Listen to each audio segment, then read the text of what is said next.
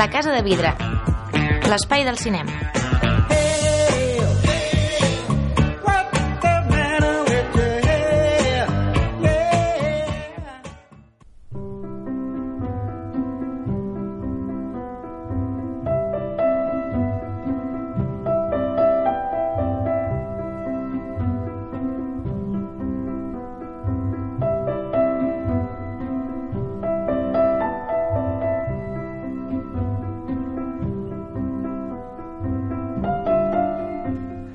Benvinguts una setmana més a la Casa de Vidre. Això que sona és Alexandre Desplat, el compositor de música de, per pel·lícules que, el que dediquem, diguéssim, aquest mes de febrer, ja ho sabeu, aquest any, amb això, cada mes dedicat a un compositor que obre i tanca el programa i en aquest cas hem triat Desplat perquè sembla que serà el gran favorit als Oscars que es donen d'aquí pocs dies i això era El discurso del rei que precisament va ser una, una millor pel·lícula dels Oscars, va guanyar el 2011 el Gran Premi eh, i bé, una, una gala que jo la vaig veure al seu dia i no desitjava que guanyés el discurso del rei, ho he d'admetre, però bé, va guanyar magnífica música, això sí, d'Alexandre Desplat M'acompanya avui a l'altra banda del telèfon el David Canto per eh, fer un, això, un programa encarregadet que, on parlarem d'Oscars, òbviament, i també de l'Hilo Invisible. Què tal, David?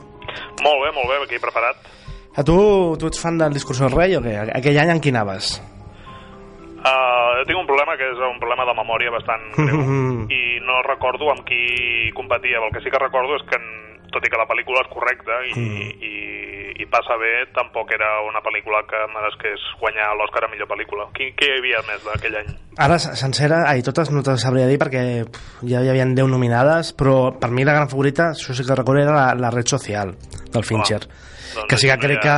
No hi ha color, no hi ha color. sí, però bé, ja, i no recordo què més hi havia, però ja et dic que sí, sí que és cert que això, el discurs del rei era aquest, no recordo ara mateix si també va ser era el Weinstein, que en el seu dia era expert en, en coronar pel·lícules així, diguéssim. Diria que sí, que va Sí, ser oi? un de, dels mm. anys aquests que, que es parlava d'això de, del, del poder que tenia sobre la indústria i, i sobre com decantava votacions. Mm. Sí, sí, un, un tema que està ressorgint ara, eh? Bé, mm, com hem dit abans, avui parlarem d'Oscars, a la secció inicial, farem una miqueta de- d'estat actual, no?, de, de, de la cursa als Oscars, una miqueta d'actualització de per on van els favorits, els premis aconseguits fins ara, Després farem la zona crítica de l'Hilo Invisible i repassarem les estrenes a la setmana, que déu-n'hi-do. Uh, això, el divendres abans dels Oscars, com aquí diu, encara queda una altra, però han, han estrenat ja les que quedaven nominades, com Lady Bird, Yotonia o Todo el dinero del mundo. Per tant, és un cap de setmana potent a nivell d'estrenes. Però bé, això serà més endavant. Ara agafem els bàrtols i comencem.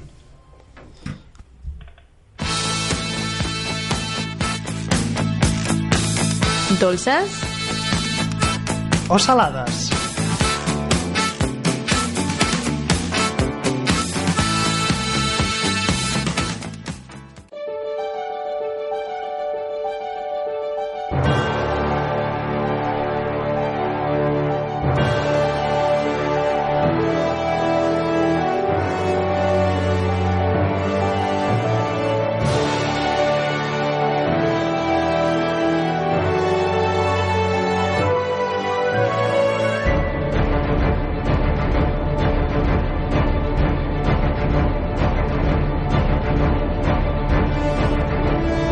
Doncs bé, com si fos allò un minut i el resultado, la cursa dels Oscars a dues setmanes eh, de, de la gala, eh, que serà el dia 4 de març.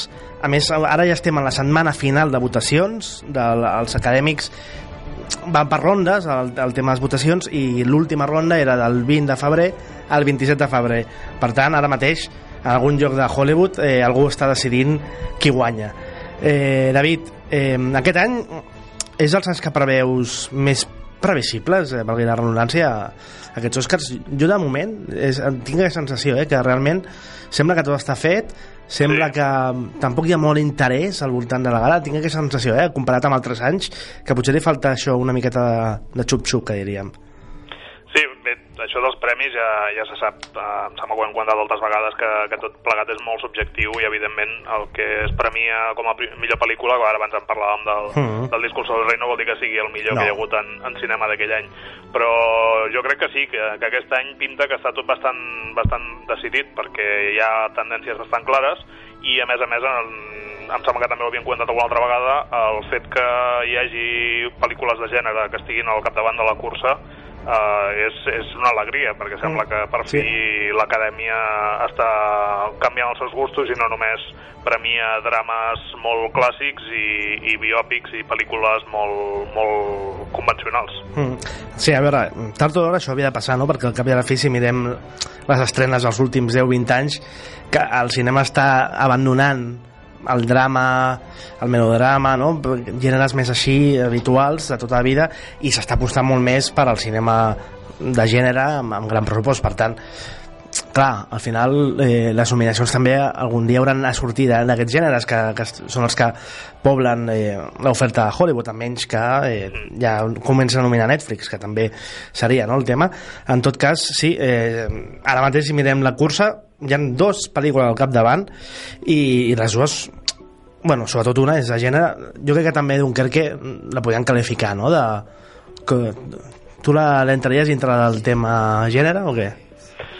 Mm, bé, el, sempre el Nolan acaba introduint una mica de- de- d'element, però, Clar, però jo crec és la seva bastant, pel·lícula menys és bastant drama, tot i la, la forma que té uh, d'explicar-la, jo crec que és bastant un, dram, un drama bastant clàssic també, no? Clar, no, això sí que és veritat, però bueno, el ser Nolan eh, també és un gènere en si mateix, no? i també l'aposta per l'espectacularitat, els efectes especials, la col·loca, diguéssim, més en, en l'esfera blockbuster, no? en aquest sentit. Deien que ara són les dues favorites, eh, amb permís de tres anun- anuncios en les afueres, ara ho comentarem, perquè i és una que ja vaig dient any rere any, que molts cops ens fixem més amb els Globus d'Or i altres històries. Aquí el que s'ha de fixar un a l'hora de fer una, una travessa, per exemple, és els sindicats, perquè al final eh, també és un ofici molt gremial, no? i cada apartat, no? pues, la fotografia, els dissenys de vestuari, tots aquests professionals eh, també voten en les seves categories i, i per tant els premis de cada sindicat es traslladen molt al final el que són la, les, les nominacions i els premis finals dels Oscars. En aquest sentit les dues pel·lícules que més premis han acumulat de diferents sindicats són precisament Dunkerque i La forma de l'agua malgrat que sí que és cert tres anuncios afueres va rascar molt fort a un dels sindicats més importants com és el d'actors, un dels més nombrosos on va guanyar el Premi Gran no? el de millor repartiment que es podia tras, eh, traduir com a millor pel·lícula als Oscars i el de millor actriu per la Frances McDormand i el Sam Rockwell millor actor secundari eh, sembla que aquestes són els tres, les tres pel·lícules que hem de comptar no? de cara a acumular premis Sí, jo, jo crec que Dunkirk sí que és, és una de les pel·lícules que sumarà potser més premis, però jo no crec que s'endugui premis, el premi a millor pel·lícula, per No. exemple, dubto moltíssim que, que se l'acabi enduent. Uh, jo crec que aquí la sorpresa pot ser tres anuncios uh -huh. i el que pinta que serà serà que és la forma de l'agua la que, la que s'ha d'endur el Premi Gros i potser segurament direcció pel que també hem anat veient no? Sí, mira, eh, així seguint amb el tema de sindicats um, ja a nivell de, de guió sembla que està tot una miqueta fet amb, amb Déjame salir com a millor guió original i Call Me By Your Name millor guió adoptat però després sí que vas veient que hi ha tres sindicats clau no? que sempre eh, els premiats acaben guanyant Oscars com és el de directors que excepte algunes excepcions el qui ha guanyat sempre el, el premi del sindicat de directors guanya l'Oscar de direcció els últims 20-25 anys han hagut com dues excepcions no? l'any del, del Ben Affleck i, i no sé si l'any passat també aquí ha guanyat Del Toro per tant jo crec que aquest el podem comptar bastant clar cap a la forma de l'aigua no? Sí. Després, eh, aquí està, i aquí està el tema, no? la lluita. El sindicat de productors, que també s'acostuma a traslladar bastant a millor pel·lícula, de fet, eh, només han hagut dos, dos excepcions en els últims vuit eh, guanyadors, per tant, el, Premi de Productors acostuma també a portar-se a millor pel·lícula, i en aquest cas és La forma de l'aigua. Per tant, no sabem si hi hauria un doblet, perquè l'altre punt eh, fort en aquesta categoria millor pel·lícula seria Tres Anuncios, que com hem dit abans, eh, va guanyar el, el Premi de Sindicat d'Actors. Per tant, millor pel·lícula és potser, segurament, de tots els premis, el que està més més poc decidit, no? O més, més difícil de preveure, més renyit. Sí, i, de, i després que no sé si també hi afectaran algunes polèmiques que hi ha hagut al voltant de les Mm. dues pel·lícules. De la forma de l'aigua ha tingut polèmiques pel tema de si no era prou original la història, que s'havia inspirat massa amb, amb altres produccions, i Tres Anuncios ha tingut una polèmica més de, per, per contingut de la pel·lícula pel, per un tema racial uh -huh. que doncs, eh, ha acompanyat a, a, al, al Martin McDonagh tota la promoció i, i que no sé si pot influir, perquè aquest any, de fet, hi ha molts eh, efectes externs que, mm. que estan afectant a, a, a nominacions i, per exemple, The Disaster Artists va desaparèixer totalment sí. de, la, de la cursa i James Franco també i, i bé, no sé si, si hi haurà algun problema amb tres anuncis sobretot, perquè jo crec que la forma de l'agua la polèmica és més... És sí, més, més, més absurda, no? Eh, jo no, no estava tan al cas d'aquesta polèmica de tres anuncios, sí que és cert que és una pel·lícula que als Estats Units no ha tingut tan bona rebuda com per exemple ho ha estat aquí eh? i això també potser li pots restar eh, jo, jo crec que hi ha, un, hi ha un problema també de... de... Discurs, no? Potser eh, critica Bé, de, massa... De pensar que, que què fa un britànic uh -huh. eh, mhm. pensant que és capaç d'explicar l'essència de l'Amèrica profunda i, i jo crec que el, el fet aquest de saber que, el, que ell no és americà uh -huh. els molesta una mica i, i després el, bé, això que creuen que no ha entès prou el, el tema racial o que eh, els arcs d'evolució dels personatges no són prou conseqüents amb el plantejament que fan amb aquests temes. Però vaja, jo crec que mm. la pel·lícula és prou rodona i que, sí. i que tot plegat, com dius, eh, la polèmica només ha estat allà i, i jo crec que també és bastant absurda. Que curiós, eh? Sí, a més és una pel·lícula que, malgrat està ambientada als Estats Units i potser i té una, una idiosincràsia molt americana, al fons és una història molt humana no? i que sí. tracta de temes eh, universals, però bé, eh, al final, si acaben ells amb aquestes conclusions, no serem nosaltres els que ens fiquem, eh? allà ells. Ells s'ho perden, en tot cas.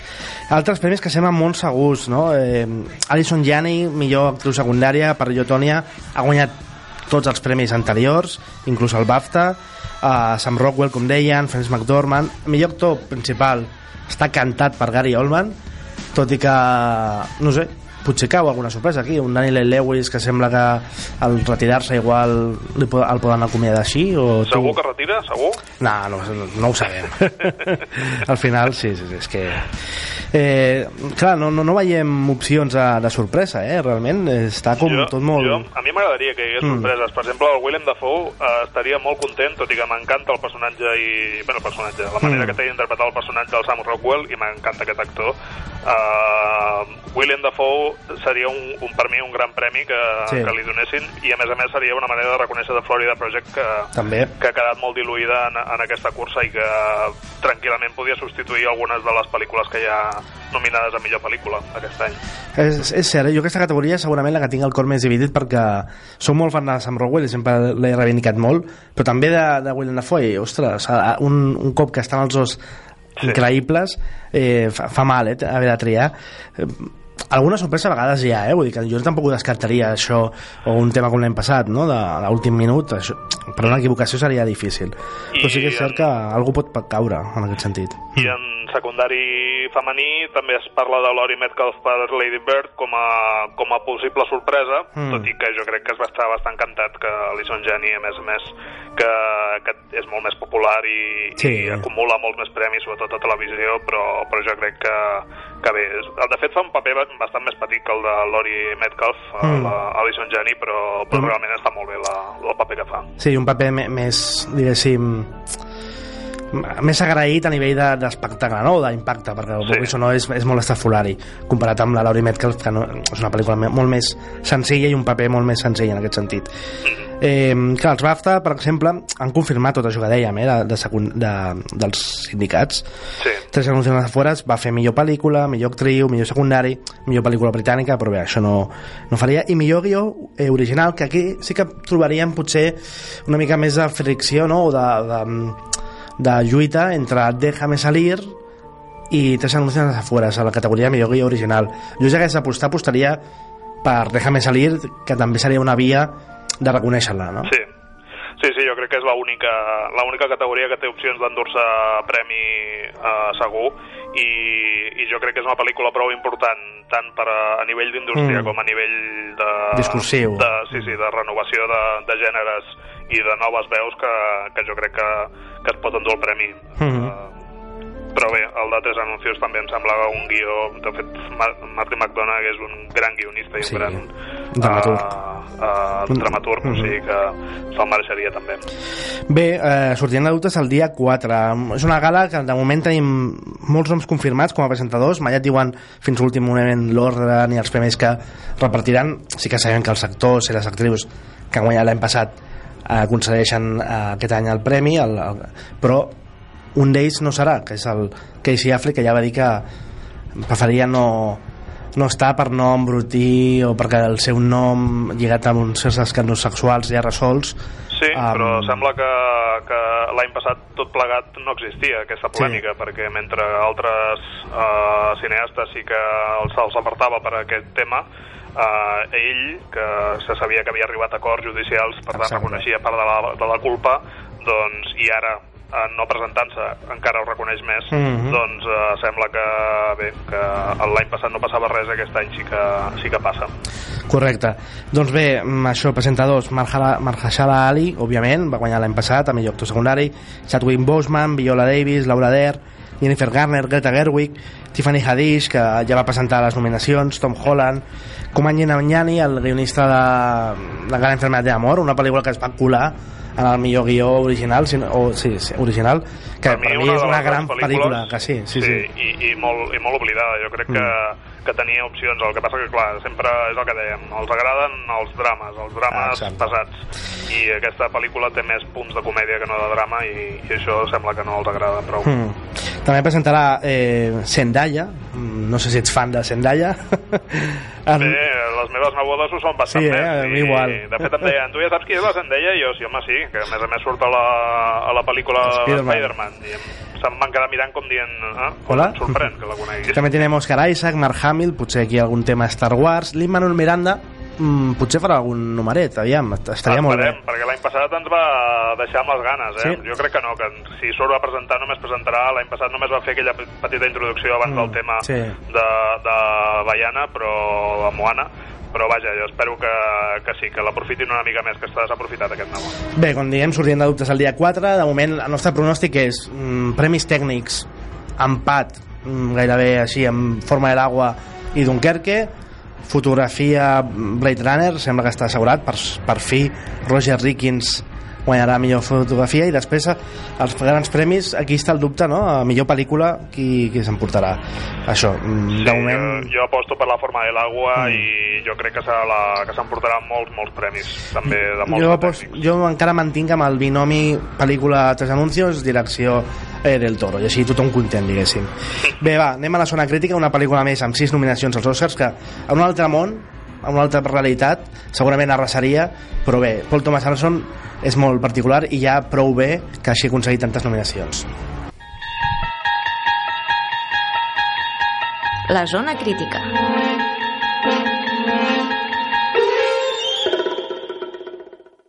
Esto es encaje de Flandes de finales del siglo XVII. Es muy poco común. Es valiosísimo. Lo rescaté de Amberes durante la guerra. He estado esperando el momento adecuado para hacer algo con él. Aquest so de màquina cosir, aquest, mm, aquesta veu del Daniel Lewis eh, interpretant a Reynolds Woodcock, un modista fictici dels anys 50 a Londres, inspirat una miqueta amb, amb el Valenciaga i que, per exemple, en aquest clip que escoltàvem hi ha un parell de plans on es veu els dits cosint plens de ferides a calls es nota que el, el, el Daniel Lewis òbviament, com sempre fa ell s'ha bueno, s'ha posat dintre no, del món Sí, de, sí, sí. dels modistes ha après a fer un tratge ell sol eh, un tratge valencià a més i, i es deixa la pell com sempre en les seves interpretacions Sí, en aquest cas, literalment, sí, sí. eh, què, Ah, què t'ha semblat a tu? Doncs m'ha semblat una, una pel·lícula que, com, a, com aquests vestits que dius que, que cosien, pues, exquisita. Una, Sí. una pel·lícula que molt delicada, molt cuidada, amb, uh, que té més del que, del que mostra al principi, amb uns personatges molt, molt mesurats i tant en, pel que fa al personatge com a la interpretació de, dels seus actors, una banda sonora es- espectacular que si no guanya la forma de l'aigua potser se l'endú uh, mm. s'endú l'Òscar a El Hilo Invisible, estaria bé també. Estaria bé, pels fans de Radiohead, eh? I, sí, sí, i, i bé, el problema d'aquesta pel·lícula és que no es pot explicar gaire cosa, mm -hmm. perquè uh, tot i que no és una pel·lícula de, de sorpreses, sí que té una evolució interessant. I el que sí que m'ha agradat més, potser, o, o el que m'ha sorprès més de la pel·lícula és que és molt més assequible que altres pel·lícules de Paul Thomas Anderson. Abans parlaves, per exemple, de The Master, que em sembla una pel·lícula més, més difícil, Mm -hmm. o, o Puro Vicio també era més, Sí. més difícil de veure. Aquesta jo crec que és més assequible per tot tipus de públic, no, no només pels incondicionals del Paul Thomas Anderson. I jo crec que la propera pel·lícula que diu que està preparant amb la seva filla de 8 anys Mhm. eh, encara ho serà més. Jo crec que està ja es deu haver cansat de, Pot ser, eh? De ser tan fer art i assaig i- i... està buscant més públic per les seves obres. Podria ser, eh? Sí que és cert que eh, és un director que, malgrat que els que podem ser fans seus i, i eh, seguim la seva filmografia, cada pel·lícula aconsegueix sorprendre't, i això és fantàstic, no? Un director que és el 97, no, abans eh, està fent pel·lícules i que ja estem molt acostumats al seu cinema, que cada pel·lícula sigui inclús un repte per l'espectador, inclús per l'espectador basat, és, és fantàstic i és una, això, una rara avis en el cinema actual. Ja només per això ja jo crec que és una cita imperdible. Sí, sí, no, i, i a més a més en aquest cas eh, el, qui, qui decideixi entrar en aquest món realment trobarà tot un món, tot Sí. una, una casa amb, amb més personatges que no pas només els dos protagonistes eh, perquè el, el paper de la germana també és important Sí, i tant. i, i jo crec que és això, que, que juga a, a mostrar les evolucions de manera molt lenta i molt mesurada, molt meditada i alguns espectadors potser trobaran que massa lenta però jo crec que, que si es té paciència i, i et deixa seduir per tota la proposta eh, s'entra molt fàcilment i un cop ja has entrat ja no, Sí. no en surts fins que acaba Sí, sí, una relació amorosa entre un creador i la seva que es podria inclús fer un paral·lelisme amb una, podria ser una partida d'escacs no? per veure qui dels dos té el poder eh, en aquella relació i, i també això marcaria una mica el ritme aquest que dius més lent i més eh, més mental, no? En tot cas, quina nota li poses per acabar? jo li posaria un set i mig Jo un 8 i mig, eh, un puntet més. Bé, va, anem ja ràpid cap a les estrenes, que, com deien, són molt potents aquesta setmana.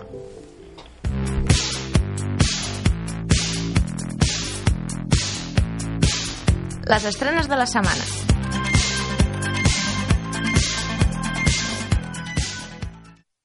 Lady Bird es tu nombre de pila. Sí, me ha sido dado por mí para mí. Lady Bird siempre dice que vive en el lado equivocado de las vías. Y yo creía que era una metáfora. Pero sí que hay vías de tren. Lo que has hecho es la caña, muy anarquista. Bé, aquesta Lady Bear, que és el sobrenom no? que es posa una noia de Sacramento als anys dos, 2003, si no recordo malament, que ve- va a una escola i es mou amb, unes, amb uns, eh, uns ambients eh, de classe mitjana alta i ella en canvi és una família treballadora i això també crea una espècie de conflictes no?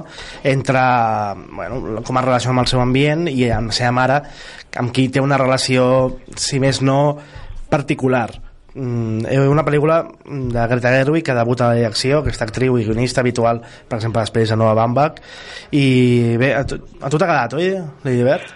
Sí, m'ha agradat, però també et diré que m'arriba més la Greta Gerwig quan ella interpreta papers Sí, oi? quan, que no pas quan ho fa a través de, de la Saoirse Ronan, que tot i que ho fa molt bé, jo crec que a la pel·lícula li falta contingut. Uh, Mm. és, molt, és una bona primera pel·lícula com a directora, Sí. però jo crec que, que té més recorregut. És, és interessant com a punt de partida. Després tenim Jo, Tònia, una pel·lícula de Craig Gillespie amb la Margot Robbie, també pel·lícula important dels Oscars, amb una Margot Robbie que cada cop està agafant més força interpretativa, no? capaç de portar projectes ella sola, i en aquest cas és un biòpic d'aquests molt americans, Bigger Than Life, d'un personatge molt interessant del món de, dels esports, i que, déu nhi déu la seva història. També Sí, Todo el sí, dinero del mundo, Ridley Scott, mm, Kevin Spacey, que va, eh, bueno, el va fer fora de pel·lícula, tot aquell escàndol, i en 10 dies va incloure Christopher Plummer, aquesta és també història real del segrest del net de, del magnat del petroli eh, Paul, John Paul Getty. Després hi ha La enfermedad del domingo amb Barbara Leni i Susi Sánchez i la pel·lícula En la sombra, Fatigue King, amb Diane Kruger, una pel·lícula que en el seu dia també sonava com a nominada als Oscars i que no s'ha quedat, s'ha quedat pel camí, diguéssim. Eh, aviam, David, eh, doncs tu triaries això, Lady Bird com a estrena, jo trio Jo, Tònia. Jo trio jo Tònia també, Ah, doncs mira. perquè em sembla... A més, la Margot Robbie no només té pes com a, com a protagonista, sinó que també és la productora i aposta per, per una pel·lícula que és molt diferent dels típics biòpics. És gairebé un fals documental amb molt mala llet i molt Mm. mala bava i tots els actors estan genials. Doncs aquí queda. Eh, ens tornem a escoltar la setmana vinent. Us deixo també amb Alexander Desplat i una pel·lícula que va, també va guanyar la millor pel·lícula als Oscars 2013, Argo. Fins aviat, gràcies David. Fins aviat.